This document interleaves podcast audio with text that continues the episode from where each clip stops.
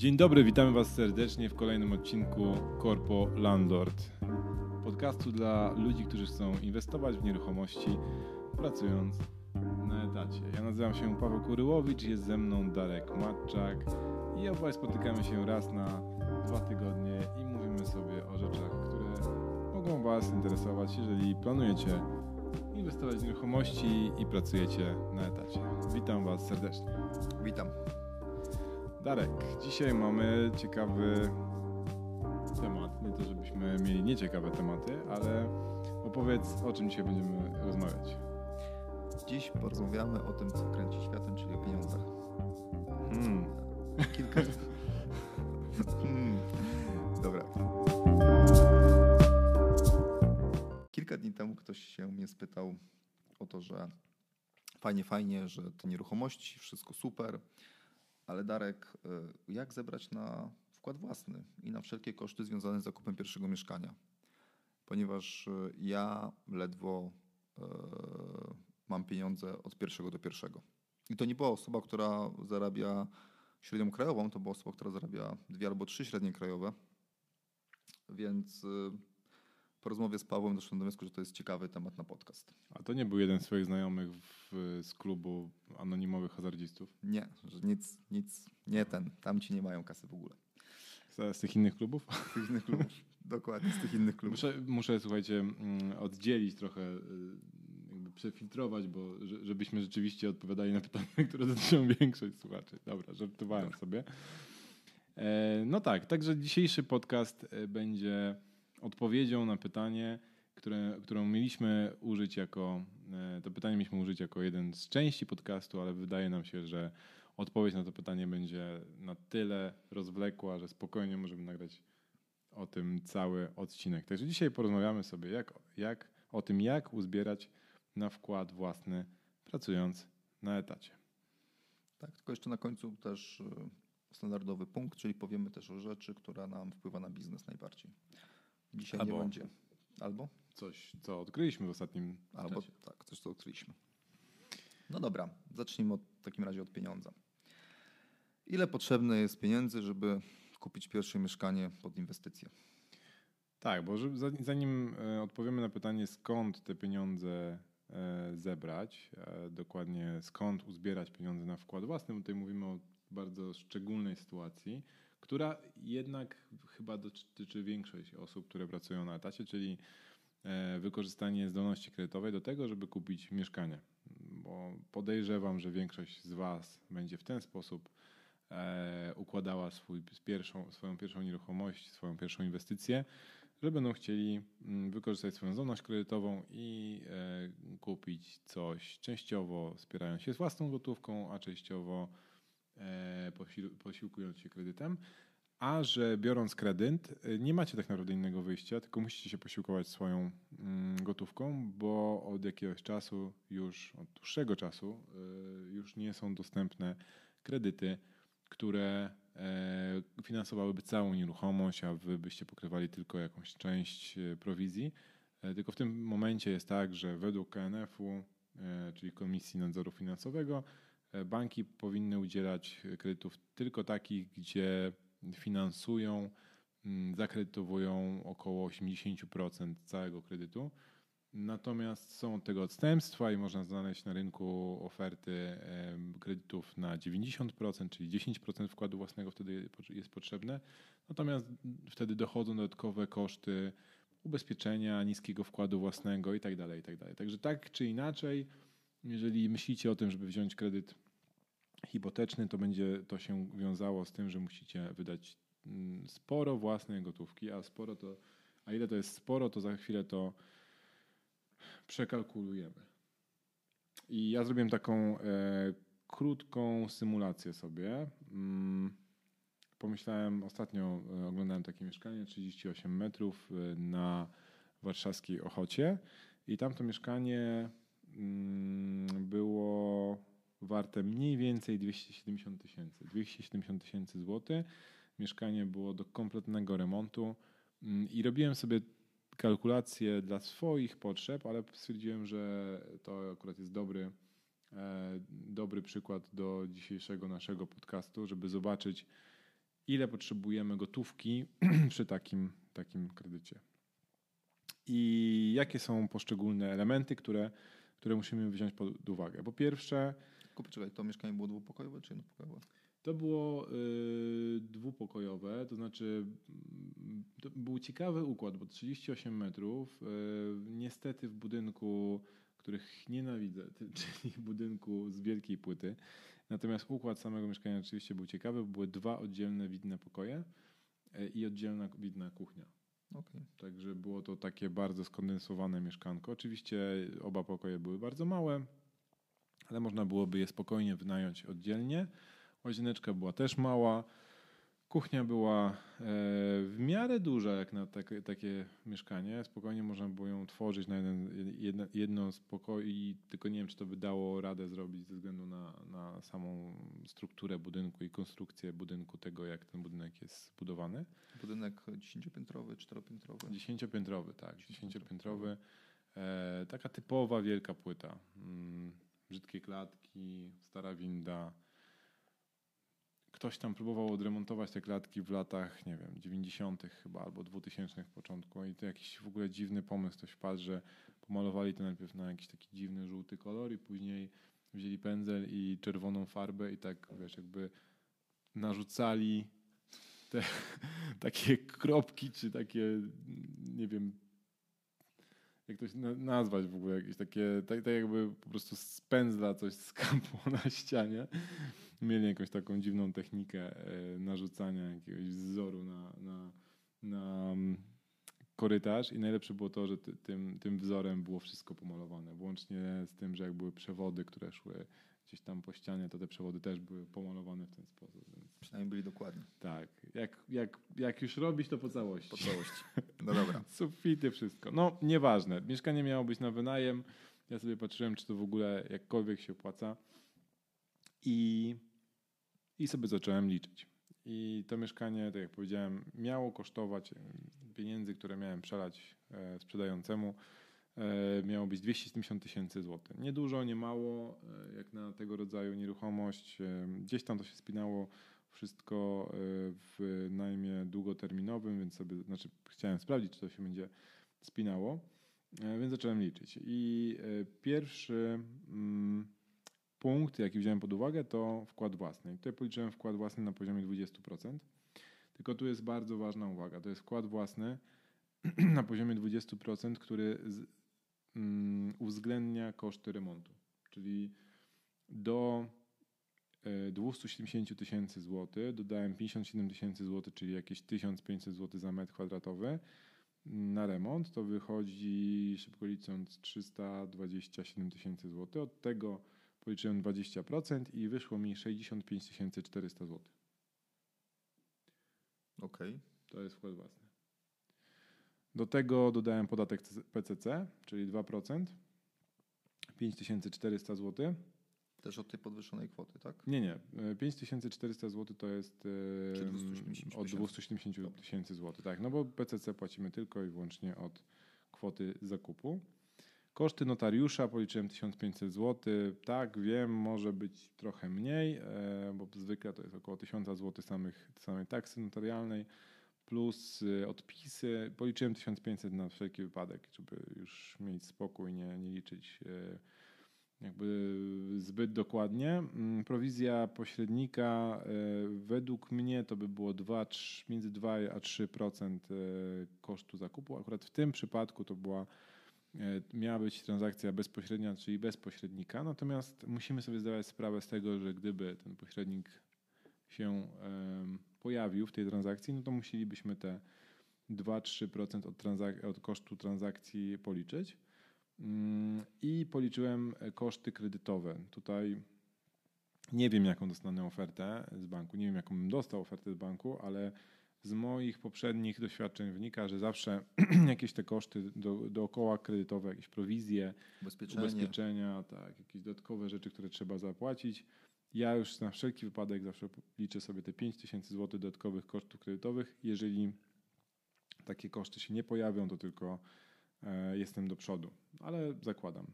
Czyli w waszym przypadku, jeżeli e, pojawiłby się pośrednik, a nie mieliby się kosztów kredytowych, to pewnie wyszłoby na to samo. Jeżeli by się pojawił pośrednik i byłyby koszty kredytowe, to trzeba było doliczyć jeszcze pewnie około 5 tysięcy złotych więcej na, na pośrednika. Razem mi wyszło 77 300 złotych. Czyli aby kupić mieszkanie, opłacić wszy, wszystkich, e, wszystkie rzeczy dookoła mieszkaniowe, nazwijmy to tak, zrobić remont i wystawić je. A czy tutaj liczyłem, tutaj ważna, ważna rzecz, liczyłem na remont mm, tak jakbym miał to mieszkanie y, później już wynajmować, czyli tak, już dokładnie. do takiego stanu. Czyli wiecie, wszystkie koszty do stanu, kiedy możesz dać ogłoszenie i wynająć i masz w miarę pewność, że w Twoim standardzie to mieszkanie będzie wynajęte. 77 300. Tak, to taki, myślę, że to taki entry level, jeżeli chodzi o Warszawę. Okej. Okay. Oczywiście, teraz można mówić, no tak, no ale 77 tysięcy to jest mega dużo, a pewnie ja bym wziął na 10% wkładu własnego. Pytanie, czy po pierwsze dostaniecie taki kredyt, jak on będzie drogi i czy, czy w waszej strategii będzie się to spinało, żeby akurat brać tak drogi kredyt. E, mówię drogi w sensie takim ujęciu e, całościowym i ratach kredytu miesięcznych. I jeszcze jedna rzecz bardzo ważna czy rzeczywiście dostaniecie mm, całość pieniędzy, y, które potrzebne jest na remont. Bo tutaj zakładam, że te 57 tysięcy na remont dostanę z kredytu, natomiast bardzo często jest taka sytuacja, że banki mówią: OK, chętnie pożyczymy Ci pieniądze na tą nieruchomość, natomiast według nas ona po remoncie nie będzie warta 300 27 mm, tysięcy, prawie 330 tysięcy, tylko będzie warta 310 i dlatego damy Ci na remont nie 57 tysięcy, a 37. Czyli obetną nam 20 tysięcy e, na remont albo z wartości nieruchomości, w jakiś sposób po prostu obniżą mm, kwotę, kwotę którą, którą nam dadzą pieniędzy i wtedy będziemy chcieli te pieniądze prostu dołożyć z własnej kieszeni. Bardzo często tak bywa, że, że nie da się mm, za, zaciągnąć kredytu na całą kwotę remontu. No, no tak, ale to jakby w tym przykładzie mówimy o 77 tysiącach. tak, bo mówię, być... mówię, że 87 tak. tysięcy trzeba mieć, tak? No. Przy, tym, przy takiej nieruchomości. Zawsze może być tak, że zrobisz remont z ojcem, czy tam z, z bratem, czy z kuzynem tutaj notariusza znajdziesz tańszego i tak dalej, i tak dalej. Ale nie wszyscy mają tak dużo czasu wolnego jak ty. Dokładnie, nie wszyscy mają tak poukładane work-life balance, tak? Tak, że mogą sobie poświęcić parę miesięcy na gładzenie ścian. Ostatni raz ściany gładziłem w liceum, a to było dawno temu, uwierz mi. Ciekaw jestem, czy od tamtej pory cokolwiek innego gładziłeś. No, Dobrze, przejdźmy do tematu podcastu. Dobra, więc mamy 77 300. I teraz to jest kupa pieniędzy tak naprawdę. E, licząc e, w Polsce średnią tam e, średnich wynagrodzeń chyba około 4000 brutto. no trochę więcej, bo 4200 czy 4300 już 4300. To dalej to jest bardzo dużo gotówki. No i teraz jak tą gotówkę zebrać? Ja odpowiem, co odpowiedziałem tej osobie, która mi spytała o to. E, I pierwsza rzecz, którą Wam powiem, jest taka, że nieważne ile zarabiacie. Ludzie zwykle mówią, no tam komuś jest łatwiej, bo on dużo zarabia i mu dużo zostaje i tak dalej, i tak dalej. To jest nieprawda. Im więcej zarabiacie, tym więcej wydajecie. To nazywa się inflacją życia. I bardzo łatwo się w nią złapać. To znaczy, Mm, jeżeli zarabiacie mało, wydajecie mało. Chodzicie do Chińczyka na obiad. E, natomiast jak zarabiacie coraz więcej, to chodzicie teraz do lepszych knajp, coraz lepsze samochody, coraz większe mieszkania i nagle się okazuje, że zarabiacie e, nie wiem, pięć średnich krajowych i dalej nie zostaje wam nic w portfelu. Jak e, pracowałem na Alasce, ten John Kelly, szefu, powtarzał mi jedną bardzo ważną rzecz, którą mi nauczył, to jest to, że Darek, nieważne ile zarabiasz, ważne ile zostaje ci na koniec miesiąca w portfelu. Bo możesz zarabiać bardzo dużo, a może zostać ci bardzo mało. Więc nieważne ile w tym momencie zarabiacie, ważne ile zostaje wam na koniec miesiąca w portfelu. I na to musicie zwrócić uwagę. To jest pierwsza sprawa. Druga sprawa, którą zawsze mówię ludziom, którzy mówią, nie, nam, no nie mamy, nie zbierzemy takiej, takiej, takiej ilości gotówki, to jest e, to, żeby ok, w tym momencie nie zbierzecie, ale zróbcie sobie takie ćwiczenie raz na jakiś czas. Zobaczcie w ogóle, w którą stronę wyjdziecie ze swoimi finansami. To znaczy, e, jaką macie wartość netto. Ja raz do roku siadam i spisuję sobie wszystkie swoje aktywa i wszystkie swoje zobowiązania. I cyfra, która mi wychodzi na koniec roku, czyli aktywa minus zobowiązania, jeżeli ona rośnie, to czyli to w dobrym kierunku. Jeżeli ona maleje, to oznacza, że coś z tym muszę zrobić. Czyli robisz sobie taki bilans, tak? Bilans, taki... dokładnie. I to robię od, wiem, od wielu, wielu lat. A to się nazywa balance sheet chyba. Balance sheet. W księgowości.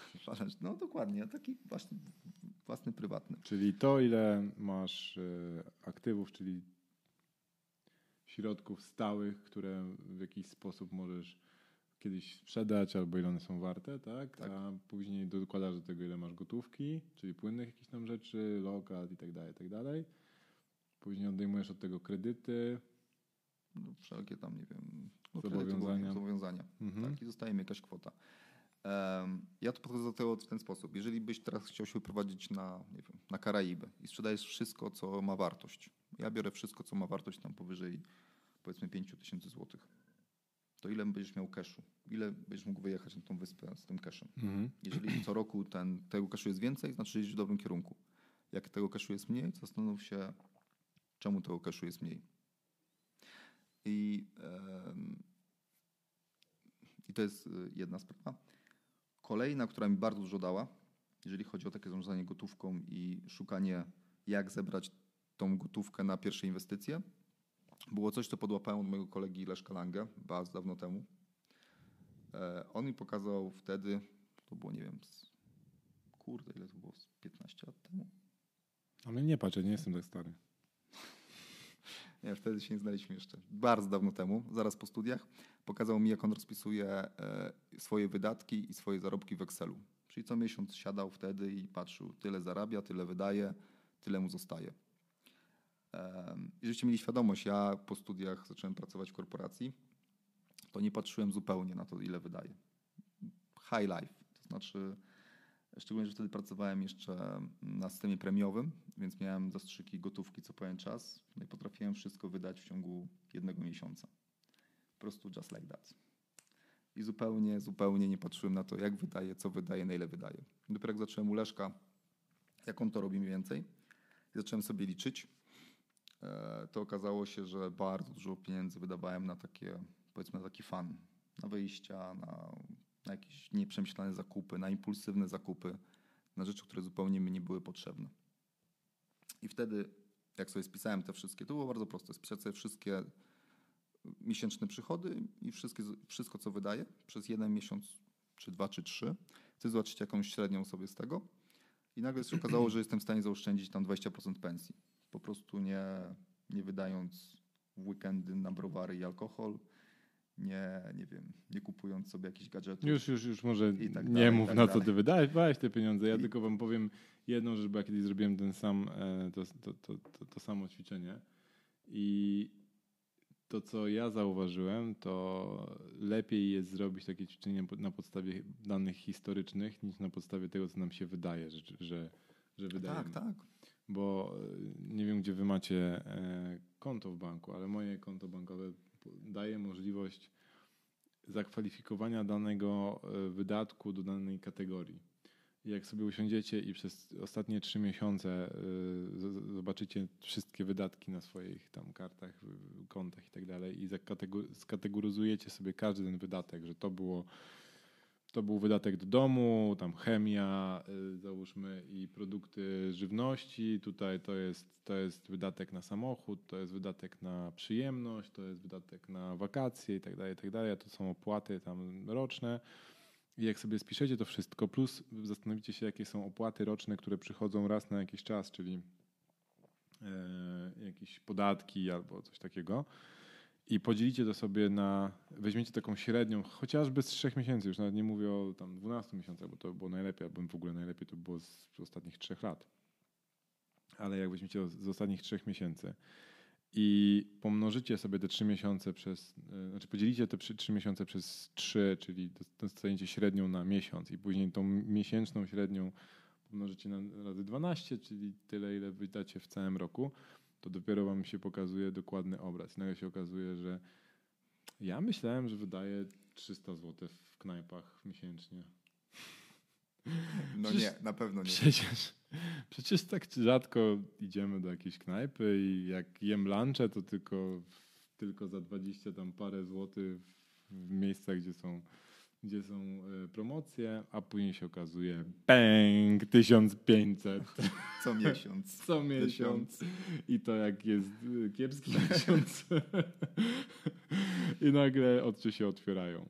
I, I wtedy trzeba naprawdę y, wziąć to pod uwagę, że po prostu wydaje te 1500 zł, a nie 300. I, i, i najpierw, najpierw zrobić sobie ćwiczenie, że ok, jak wydaję 1500, to na co mnie rzeczywiście stać. A później, jeżeli mam robić jakiekolwiek oszczędności, właśnie w przypadku na przykład oszczędzania kasy na, na wkład własny, no to Niestety, ale gdzieś te oszczędności muszą być. I może jedna z pierwszych oszczędności to są pudełka y, lunchowe, które będę sam przygotowywał. Nigdy mi się nie udało, co prawda, ale... Nie, ja tak robię. No tak, ale ty masz dużo rzeczy bardziej poukładanych w swoim życiu niż ja. A ty chyba zrobiłeś to ćwiczenie też po rozmowie ze mną, prawda? Chyba tak. Chyba tak. No. Jakoś jedno, jedno, znaczy pamiętam, że rozmawialiśmy o tym na pewno, już nie pamiętam w którym momencie to było. To najpierw było tak, że zrobiłem sobie Excela i później przyszedłem do ciebie i y, Darek, jak ty to robisz, bo, bo u mnie to się nie spina jakoś. Wydaje Okazuje więcej, się, że, zarabiam. okazuje się, że wydaje 150 razy, 150% więcej niż zarabia. No a ty byłeś dobrym przykładem, bo ty też średniej krajowej nie zarabiałeś na etacie, więc a No. wydawałeś dużo więcej wtedy. E, bardziej impulsywnie. Dużo rzeczy się nie zmieniło od tamtej pory. Nie, no, po- pozmieniało się wiele pod tym względem.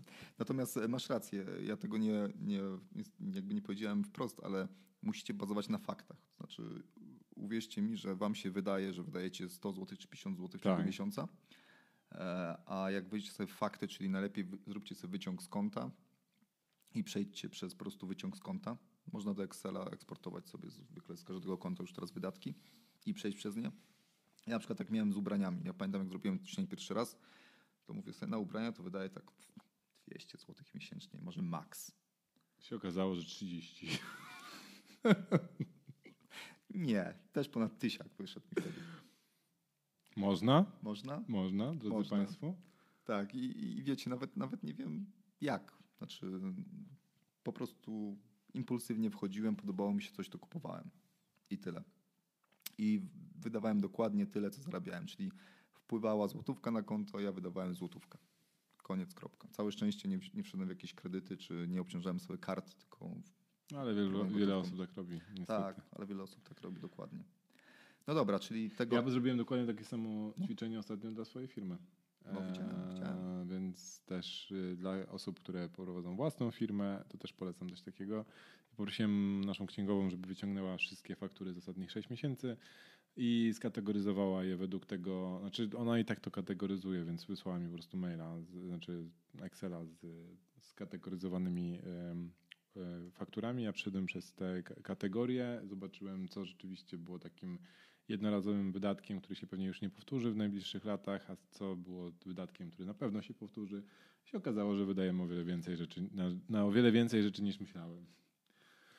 No, także polecam serdecznie, żeby zrobić coś takiego. Mm, takie, takie ćwiczenie, bo wtedy jesteśmy w stanie sobie przynajmniej zdać sprawę, ile jesteśmy, jaką mamy możliwość, żeby oszczędzać. Tak. Dokładnie. Czyli spisujemy wszystko. I teraz e, ja już mam to wszystko jakby za sobą już od wielu lat i wiem mniej więcej ile wydaję, na co wydaję, jak wydaję. Jest takie w ogóle mądre powiedzenie, że e, budżet to jest e, mówienie pieniądzom, gdzie mają iść, a nie gdzie poszły. Czyli Hmm. planujcie też takie wydatki. Teraz e, ja robię to w ten sposób, że oczywiście wiem, ile tam wydaję na, na dom, na coś, na coś, ile oszczędności mam, ale te oszczędności sobie dzielę jeszcze. To znaczy mam specjalne konto na powiedzmy inwestycje, mam specjalne konto na takim dobrym przykładem są wakacje. Jakby co roku każdy wie, że wyjeżdża na wakacje właściwie. i co roku jest to zaskoczenie, trzeba wydać tam jakąś tam ilość gotówki na to, żeby pojechać z rodziną na wakacje. Więc u mnie jest tak, że co miesiąc z konta na specjalne konto tam z boku schodzi x kwoty, bo wiem, że wydaję na wakacje złotówkę, więc co miesiąc jed, 10 groszy wpada na konto. Tak, żeby, żeby to nie było dla mnie zaskoczenie, żeby to nie był taki strzał. Tak samo fajną rzeczą jest w ogóle No, zrobienie... ciężko się zask- zaskoczyć złotówką, nie? No, ciężko, ale da się. E, natomiast e, em, i dobrym też jest w ogóle takim em, rzeczą, która mi pomogła ograniczyć mój, mój zakup gadżetów różnych, jest e, zrobienie sobie konta na takie rzeczy. Czyli na przykład mówię, ok, chcę zmienić laptopa, chcę kupić jakiegoś tam fajniejszego laptopa, bo coś. To patrzę, ile on kosztuje i rozbijam sobie na miesiące, na przykład na 6 miesięcy. No i te, pieniądze spływają powoli, powoli, powoli. I wiele razy się okazywało, że po trzech miesiącach mówię, nie, w sumie nie jest mi to potrzebne. W sumie to coś innego bym kupił. I zmieniałem nazwę konta i, i znowu zbierałem i znowu się okazało, nie, wiecie co, to bez sensu, przecież też tego nie potrzebuję. I czasami tak kupowałem rzecz, która naprawdę była mi potrzebna, a nie coś pod wpływem impulsu, mi się spodobało, widziałem u kolegi. Na przykład ładnego maka, jak ma, jak ma mój kolega, który koło mnie siedzi teraz. To jest to. Więc generalnie Jak już zrobicie sobie to podsumowanie, zobaczcie, ile jesteście w stanie oszczędzić i tą kwotę po prostu wyślijcie na konto. Najlepiej, żeby było konto w ogóle w innym banku, żeście tego nie widzieli, żeby was nie korciło. Mhm. I to samo jest z premiami lub, bo to są najlepsze rzeczy. To jest kasa, która wam wpada dodatkowo, poza jakby budżetem waszym miesięcznym. Ja mam taką zasadę, że dwie trzecie tego idzie od razu na konto oszczędnościowe pod inwestycje jakieś, a jedną trzecią zwykle siadamy w z- kominku. z Ewą i myślimy, co z nią zrobić. I zwykle i tak idzie na inwestycje, ale czasami nam się zdarzy jakieś szaleństwo i sobie pojedziemy gdzieś albo kupimy coś ciekawego. W Puławach byliście ostatnio. Puławę. No, no tak. Nie, w Ciechocinku. No dobra, Darek, ale ja wszystko rozumiem. Bardzo fajnie. Brzmimy trochę, brzmisz trochę jak e, Michał Szafrański, którego bardzo po, pozdrawiamy. I, i po- podejrzewam, że dużo z tych rzeczy też wyciągnąłeś od Michała, bo, bo jakby nie było, to jest taka osoba, przynajmniej ja wyciągnąłem bardzo dużo podobnych rzeczy od Michała, e, kiedy, kiedy się dowiedziałem o jego blogu i myślę, że że dużo osób w Polsce też jakby gdzieś tam zastanawia się nad finansami dzięki Michałowi. E, natomiast co w momencie, kiedy wiesz, no nie masz takiej natury, bo ja na przykład mi ciężko jest takimi, to jest takimi e, bardzo usystematyzowanymi schematami i takimi takim rygorem no, finansowym. No wtedy, panie kolego.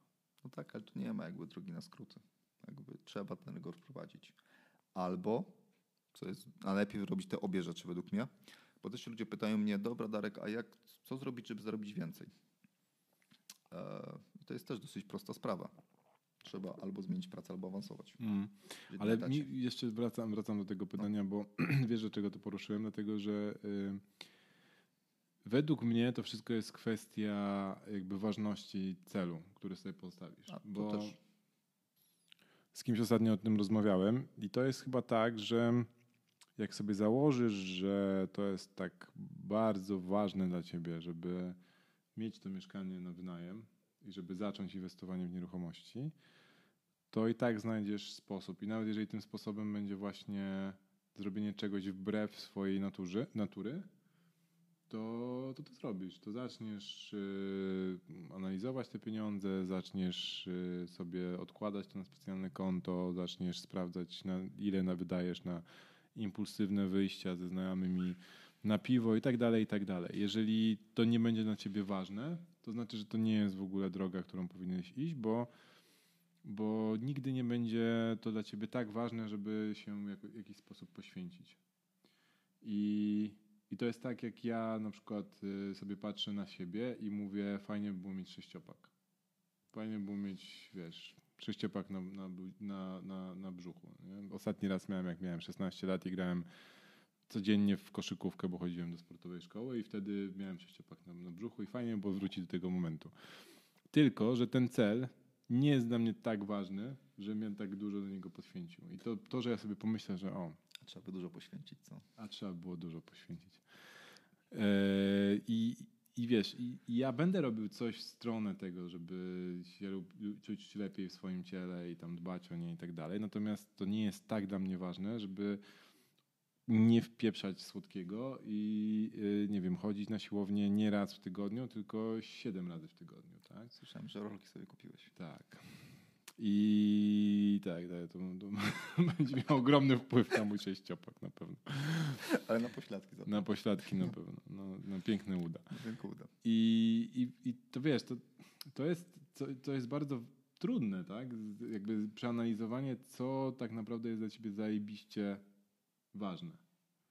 I jeżeli to nie jest, y, i to, to, znowu usłyszałem w innym, jakby od, od innego twórcy internetowego, czyli e, od, od, z podcastu Zen Jaskiniowca, gdzie tam właśnie mówią o tym, jak, jak wiesz, jak, jak, jak sobie postawisz cel, który nie jest dla ciebie bardzo, bardzo ważny i taki aż osobisty, no to do niego po prostu nie dojdziesz i będziesz sobie mówił, o fajnie by było mieć, tak jak Darek, paręnaście mieszkań i czerpać z nich e, e, środki z najmu i tak dalej, i tak dalej, ale jeżeli to nie jest tak na, dla ciebie najważniejsza rzecz, tylko ważniejsza dla ciebie jest, nie wiem, wydawanie na drogi komputer na gry, tak, no to, Mhm. to, to nigdy do tego nie dojdziesz, no, bo, bo to po prostu nie jest y, coś, co, co jest twoim priorytetem. Jeżeli nieruchomości nie będą twoim priorytetem, no to nieważne w jaki sposób tam sobie znajdziesz, czy to będzie oszczędzanie, czy znajdowanie drugiej pracy, czy coś tam, czy coś tam, to po prostu tego nie zrobisz. Więc to po moim zdaniem trzeba wyjść z tego, czy ja pamiętam jak siebie, jak kupowałem pierwszą nieruchomość, to dla mnie to było tak ważne, że nie mogłem myśleć o niczym innym. I pomimo tego, że wtedy miałem 15 razy mniej możliwości zarabiania pieniędzy niż w tym momencie, to, to i tak gdzieś tam uskubałem te pieniądze, które mi były potrzebne do tego, żeby, żeby kupić tą nieruchomość. Fakt, było trochę inna, inna sytuacja gospodarcza i tak dalej, i tak dalej, ale no, też musiałem pójść na jakieś tam kompromisy. I wykopałem te pieniądze po prostu z podziemi. I, I to chyba o to chodzi. Tak, znaczy, wiesz, tu wchodzimy w taki temat, ludzie sobie stawiają e, jakieś cele, czasami po prostu wbrew sobie, bo nie wiem, bo tak ktoś chce, albo to jest modne, albo inni tak robią. Trzeba sobie przemyśleć oczywiście, czy to jest cel, bo ja też nie mam, jeżeli ktoś, y, nie wiem, ma ochotę wydać wszystko, co ma na koncie, to jest jego jakby życie, jego biznes. Hmm. To też jest dla mnie, wiesz, to nie jest problem jakby. Bo wiesz, tych problemów będzie, pojawi się na takiej drodze osoby, która będzie pierwszy raz inwestowała w nieruchomości, będzie pełno. Bo Tak. będzie tak, że uzbiera te 70 patyków i później będzie e, się pojawi, pojawi się problem, no tak, ale gdzie ja mam znaleźć mieszkanie, które będzie okazją? I będzie Paweł, a, a gdzie ja to mam zrobić? Bo ja patrzę na, w internecie, ale tam nic takiego ciekawego nie ma. No, no okej, no a ile razy byłeś na, na, Dokładnie. na spotkaniu, gdzie ile razy oglądałeś to mieszkanie fizycznie? No nie, nie, nie oglądałem, bo nic mi się nie podobało. Trzeba było wstać rano, pojechać na 8 rano. A do tego wiesz, no ja mam Nie, dużo pracy, więc ja, nie, ja mogę tylko w soboty jeździć.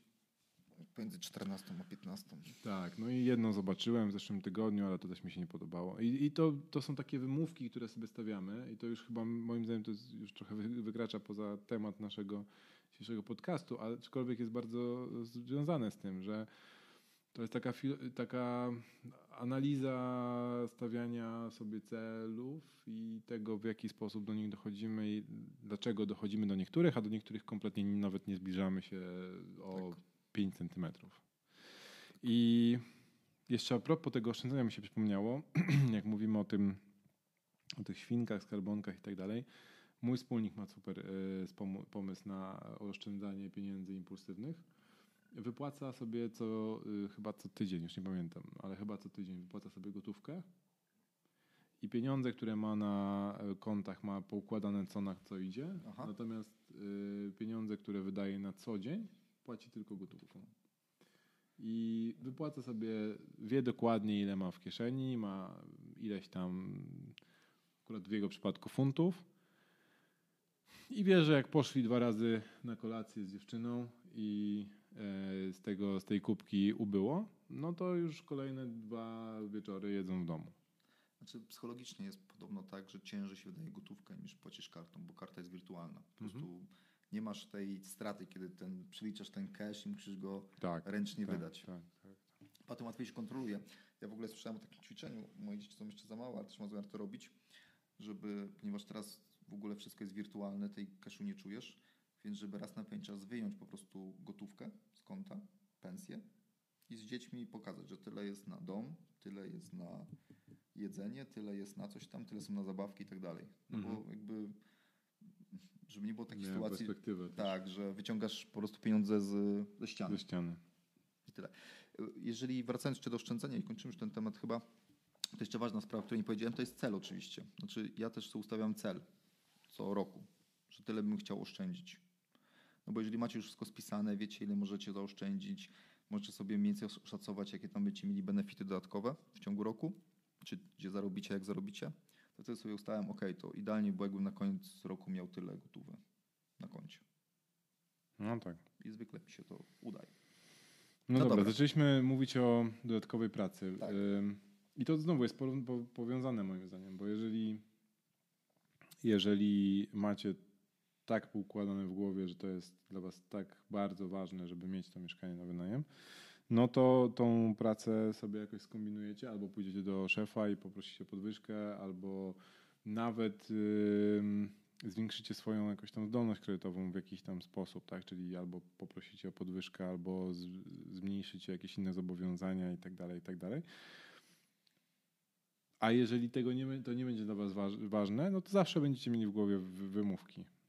A, bo wiesz, ja to pracuję po 12 godzin w, w ciągu dnia, więc to i tak nie ma możliwości, żebym poszedł jeszcze na jakąkolwiek dodatkową pracę, jeszcze tylko mam dzieci i coś tam, i coś tam, i coś tam. Więc myślę, że to jest kwestia tego, żebyście znaleźli przede wszystkim sobie motywację, a później e, zobaczyli ten cel i znaleźli sposób na to, jak do tego celu dojść i ten sposób będzie dla każdego inny. I ta dodatkowa praca może byłoby idealnie, żeby ta dodatkowa praca miała też jakkolwiek coś wspólnego z, z nieruchomościami. Co do motywacji, kolejną rzeczą, którą możecie zrobić, jest znalezienie po prostu wspólnika i inwestowanie wspólne. Mhm. Jeżeli wy zbierzecie 50 groszy, a potrzebujecie jeszcze 50 groszy, żeby kupić pierwszą rzecz, pierwszą nieruchomość, to możecie pomyśleć o tym, żeby porozmawiać z kimś, kto ma te 50 groszy. Tak, bo ludzie mówią, że bardzo często jest takie, takie założenie, że do inwestowania w nieruchomości to potrzeba dużych pieniędzy. Ja do tego, mm, do tego nie mam kompletnie możliwości, tak, no bo nie mam pieniędzy. A jak odwrócicie sytuację i powiecie, dobra, ja mam zdolność kredytową, potrzebuję tylko trochę pieniędzy do tego, żeby, e, żeby e, wejść w jakąś inwestycję, tą, ten wkład własny, to się okaże, że pieniędzy jest aż za dużo na rynku, tylko nie ma dobrych okazji, jakby dobrych, dobrych projektów, na które ludzie chcą te pieniądze przeznaczyć. A nagle się okazu- okazuje, że jest o wiele trudniej znaleźć dobry projekt, a nie e, pieniądze, bo pieniądze gdzieś tam zawsze można e, z kimś się właśnie umówić, jak mu dobrze przedstawicie całą sytuację i pokażecie, ile na tym jest dla niego zarobku przy minimalnym wkładzie zaangażowania, to się okazuje, że można spokojnie takie deale robić wspólnie, aczkolwiek też z głową, no bo to jakby nie było, są dość skomplikowane rzeczy, e, a przy dużych pieniądzach bardzo łatwo wejść w jakiś spór, który jest bez sensu najczęściej. I tu musicie wierzyć w nieruchomości, znaczy musicie wierzyć w ten projekt. No bo Tak. jak przyjdziecie i powiecie, ej Paweł, mam taki projekt, nie wiem czy on wyjdzie, ale może byś pożyczył mi gotówkę, bo ja mam zdolność, to może zrobimy to. Paweł powie, aha, przyjdź za miesiąc. Tak, ale to też jest bardzo dobry moment, żeby sprawdzić, czy wasz projekt, który sobie wymyśliliście, e, rzeczywiście się spina, bo jeżeli pójdziecie do osoby, która ma jakiekolwiek doświadczenie w inwestowaniu pieniędzmi, to zadam wam py- pytania, które, które mm, zweryfikują, czy to, co chcecie zrobić, w ogóle ma sens. I ja parę razy się na początku swojej drogi szczególnie obiłem od tutaj czegoś takiego, że jak pokazałem komuś e, to, co chcę zrobić, to się okazało, że dla, tylko dla mnie to jest tak bardzo fajny projekt i ktoś inny tego kompletnie nie widzi. Teraz pytanie, czy on nie ma po prostu doświadczenia, żeby to zobaczyć, czy po prostu nie ma w tym tak, tak, takiego dużego biznesu, bo gdzieś indziej może być o wiele łatwiejszy biznes, który generuje więcej e, zwrotu z inwestycji. Ja sobie zapisałem tutaj w, w sposobach na uzbieranie 75 tysięcy złotych na wkład własny szukanie okazji dla innych, bo jak jestem na jakichś tam spotkaniach inwestorów, to wszyscy mówią o jednym, że najtrudniej jest znaleźć dobry projekt. I pieniędzy na rynku jest aż nadto, tylko kwestia tego, żeby znaleźć coś rzeczywiście, co będzie super okazją i super, um, super projektem, który się dobrze zepnie finansowo. I jeżeli macie więcej czasu niż pieniędzy, bo to też jest bardzo ważne, żeby mieć po prostu ten czas, to to szukanie, e, rozpoczęcie swoich, swojego doświadczenia w nieruchomościach od tego, żeby szukać okazji i później iść do osób, które są bardziej zaawansowane nieruchomościach i sprzedawanie tej okazji, zarabianiu tylko na tym, że po prostu pośredniczycie, to może być ekstra, ekstra y, sposób na zebranie kasy na swoje własne mieszkanie pierwsze. Tak. Szczególnie też mam, mam takie wrażenie, czy wrażenie, wiem, że jest więcej kasy na rynku niż okazji. Ja sam odbieram telefon raz na pewien czas z informacją Darek, jakbyś coś miał, to my z chęcią kupimy, e, bo szukamy. No. I ostatnia opcja to jest pożyczka. Można też te pieniądze pożyczyć. Tak. I można te pieniądze pożyczyć od znajomych, rodziny, Mm, I bardzo często, jak czytam jakieś książki odnośnie tego, odnośnie startupów, to, y, to najczęściej y, te, te startupy, pierwsze jakieś tam mm, poczynania ludzi są, y, są wspierane przez trzy razy F. Friends, Family and Fools. A to jest jeden zbiór ludzi? tak, najczęściej tak. Nie, ale tak jest prawda, że y, słuchajcie, no, najłatwiej te pieniądze zebrać y, od osób, które, które was znają i wam ufają. No, jakby nie było, to trochę żerujecie na zaufaniu innych, ale y, te osoby też y, dlatego wam pożyczają te pieniądze, bo wiedzą, że no, nie, robicie, nie zrobilibyście nic e, z, ty, z tymi pieniędzmi, czego oni by nie chcieli, wbrew jakby własnej woli. Znaczy, y, no, celowo byście nic nie, nie, nie, nie spieprzyli jakby w całym tym układzie. E, więc, więc takie, tak, takie osoby są bardzo ważne w naszym, w, na, w naszym środowisku inwestycyjnym, bo, bo one mogą wesprzeć y, projekty, które w inni nawet nie wierzą. No. Yy, I to chyba tyle, jeżeli chodzi o dzisiejszy temat przewodni. Masz coś do dodania jeszcze? Podsumujmy to. Może. Podsumujmy. Znaczy ja nie wierzę w to, że jest droga na skróty. To znaczy mm, to jednak jeżeli jesteście zmotywowani dosyć, znajdziecie sposób, żeby po pierwsze ze swojego budżetu wyciąć kawałek gotówki, którą będziecie odłożyć na inwestycje przyszłe. Plus, czy znajdziecie taką pracę, czy osoby, czy, czy nie wiem, czy pójdziecie po pożyczkę, stworzycie projekt, ale to wszystko dla mnie jest kwestia do zrobienia. Natomiast to też nie jest kwestia z dnia na dzień. To znaczy, to wymaga czasu. Ja, żeby tak poukładać sobie swoje finanse, zajęło mi to pewnie z 2-3 lata. Żeby dojść do takiego poziomu, że wiem, ile oszczędzam, wiem, jak wydaję, wiem, gdzie, co, jak się dzieje. I rzadko jestem zaskakiwany przez brak na koncie na koniec miesiąca, jakby.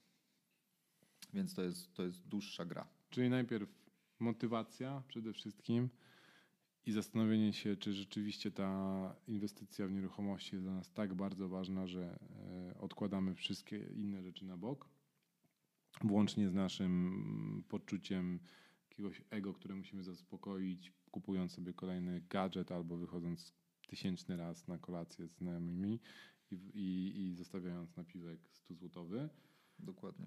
A po drugie, E, zastanowienie się, my podaliśmy kilka przykładów, podejrzewam, że jest jeszcze e, co najmniej 10 innych, które można sobie spisać na kartce. I zastanowienie się, który z tych przykładów jest najbardziej odpowiedni w waszym przypadku. Czy już kontrolujecie swoje wydatki, czy możecie wpłynąć jakoś na przychody, E, a jeżeli możecie, no to w jaki sposób, albo czy możecie te pieniądze gdzieś od kogoś pożyczyć? I dlaczego musicie je pożyczać, bo to też jest ważne, tak? Dlaczego nie możecie tego samemu, samemu jakoś tam ogarnąć, tylko musicie pożyczać od kogoś pieniądze. Dokładnie.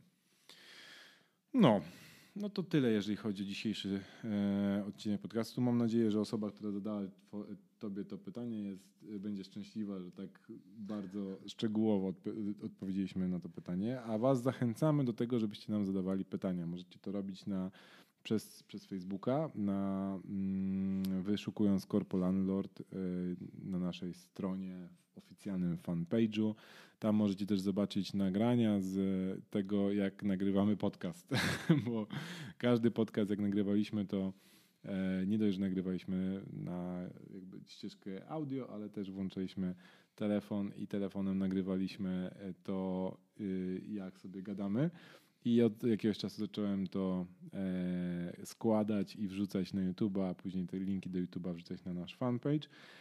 I tam też jest opcja e, zadania pytań poprzez po prostu napisanie do nas wiadomości i napiszcie, co tam e, was najbardziej, co tam wam najbardziej doskwiera e, w inwestowaniu w nieruchomości, kiedy pracujecie na etacie, a my spróbujemy na te pytania odpowiedzieć albo w formie takiej krótkiej odpowiedzi w jednej z części z podcastu, albo jeżeli stwierdzimy, że temat jest na tyle rozległy, że ten daje się na cały odcinek, to wtedy odpowiemy tak jak dzisiaj.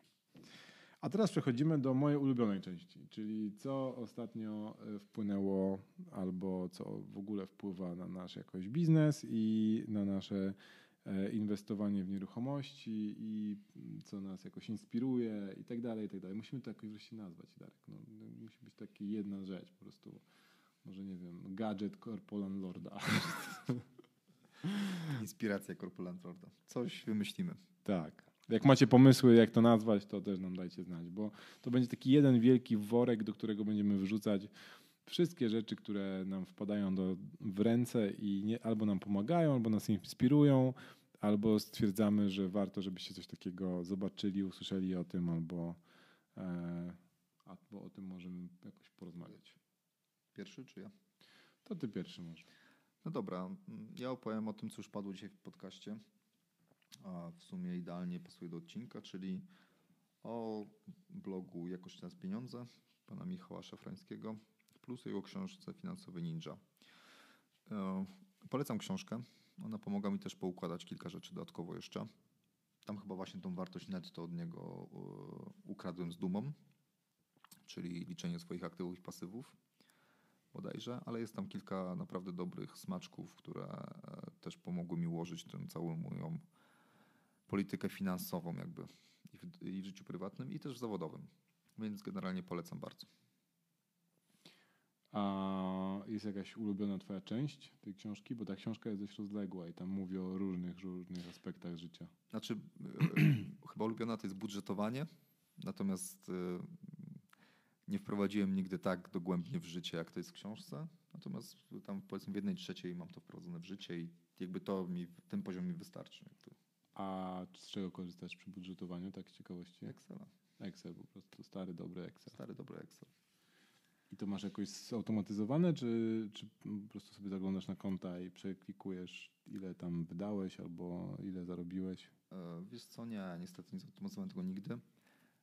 E, natomiast przeklikuję to po prostu. Okay. Przechodzę to. Mamy konto w tym samym banku, gdzie możesz sobie poustawiać, na co wydajesz, ile i gdzie. Więc e, nie jest to bardzo skomplikowane. Miałem taki okres w życiu, że zbierałem paragony, ale w pewnym momencie to już było, zajmowało mi bardzo dużo czasu, więc zrezygnowałem z tego. I obecnie robię właśnie przez konto najnowe. I ja wiem, że to nie jest super dokładne wtedy, natomiast jakby... Ale rząd wielkości wystarczy. Wielkości mi wystarczy na, na serię. No tak. Już wiem, może to nazwiemy kącik po prostu książkowy Corpo Landlorda, bo widzę, że coraz częściej mówimy o książkach niż o czymkolwiek innym. A ja dzisiaj też przyniosłem książkę na dzisiejszy, na dzisiejszą, na dzisiejszy odcinek.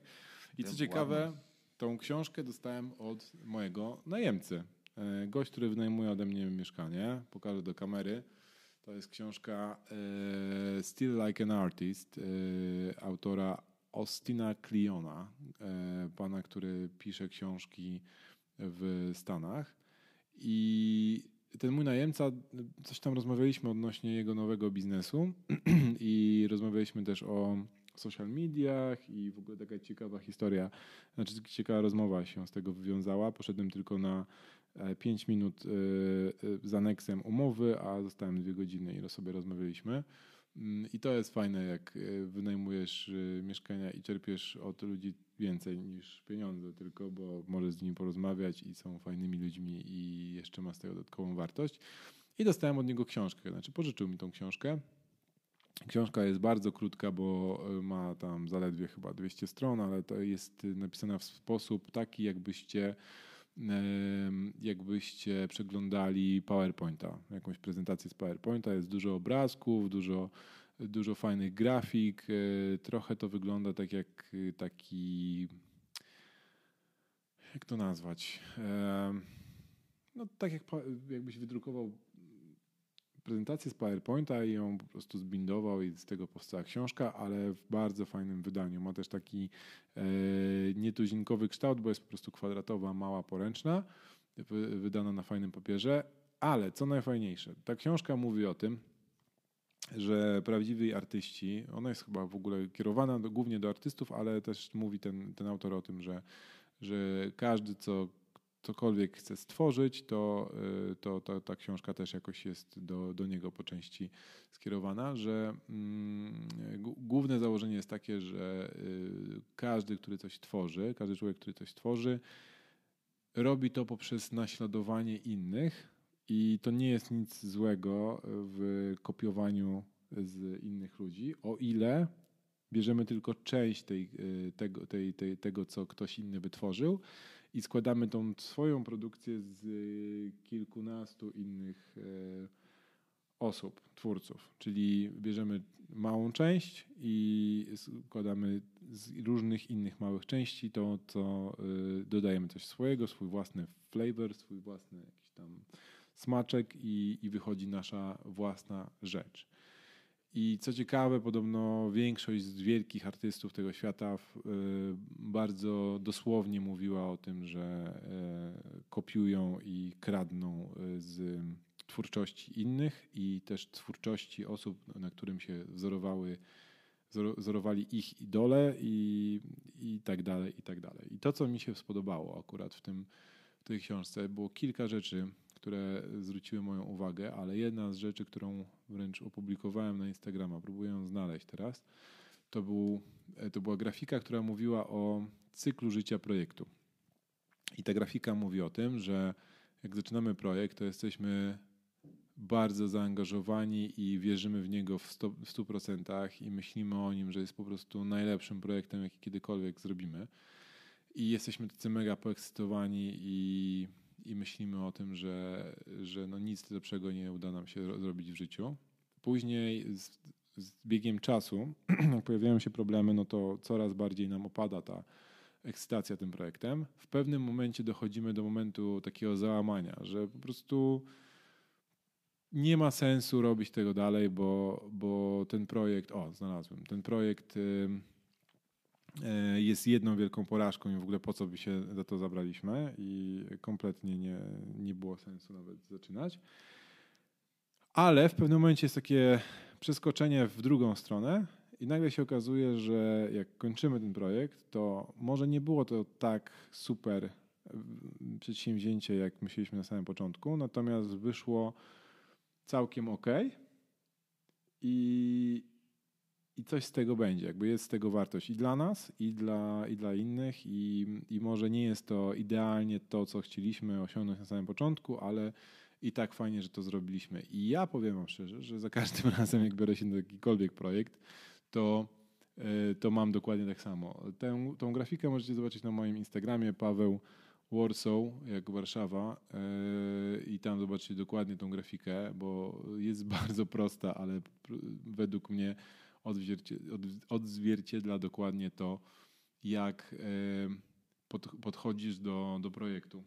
A projektem można nazwać wszystko, co jest e, niestandardowe, do czego, co będzie trwało dłużej i no nie jest taką rutyną, tylko jakimś takim wydarzeniem, które będzie, e, które będzie wymagało Twojego poświęcenia czasu, pieniędzy i tak. A dokładnie ten moment, w którym kończysz projekt, to jest napisane na tej grafice, grafice po angielsku It's done, it sucks, but not as bad as I thought. Czyli to jest e, jakby zakończyłem projekt, już widzę to, co, co, co, co miałem zrobić.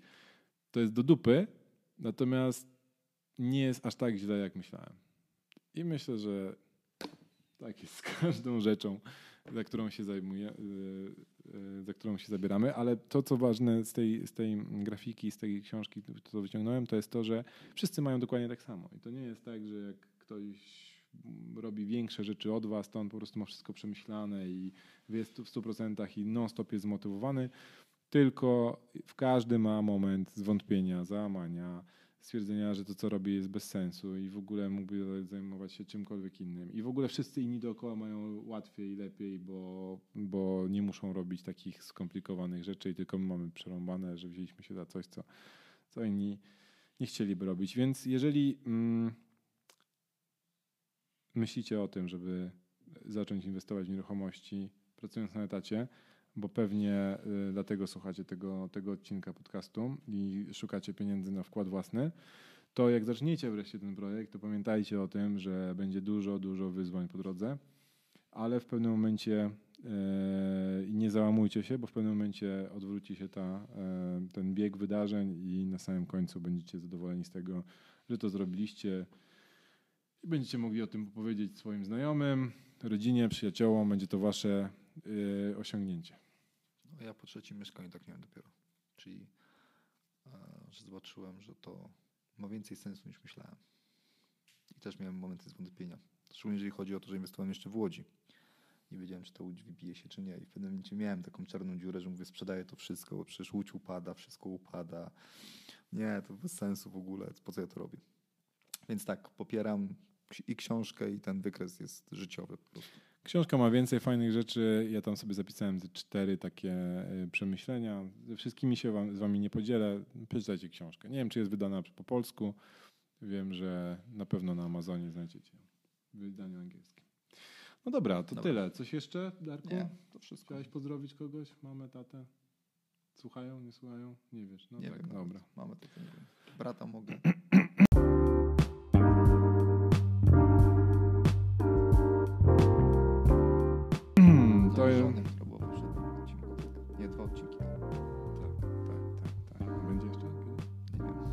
Brata mogę. spytać. Dobra, ja sobie z nią pogadam. Widzę, że nie potrafisz z nią rozmawiać. Dzięki wam serdeczne. Dzięki, że słuchacie tego. Napiszcie coś do nas, żeby nam nie było smutno, żebyśmy nie czuli się, że robimy coś bez sensu, tylko że dajemy komuś wartość. Y, no, żartuję oczywiście, bo dostajemy trochę ciekawych informacji i wiadomości o tym, że to, co robimy ma sens i dajemy wartość ludziom, którzy nas słuchają ale będzie nam niezmiernie miło, jeżeli napiszecie do nas nawet z krótką informacją, że coś tam wyciągnęliście z jakiegoś e, odcinku, co Wam się podoba, co mogłoby być lepiej. Także facebook.com i tam rzucacie Korpolandor, na pewno nas znajdziecie. Dzięki Wam serdeczne, Dzięki. pozdrawiamy, do usłyszenia za dwa tygodnie.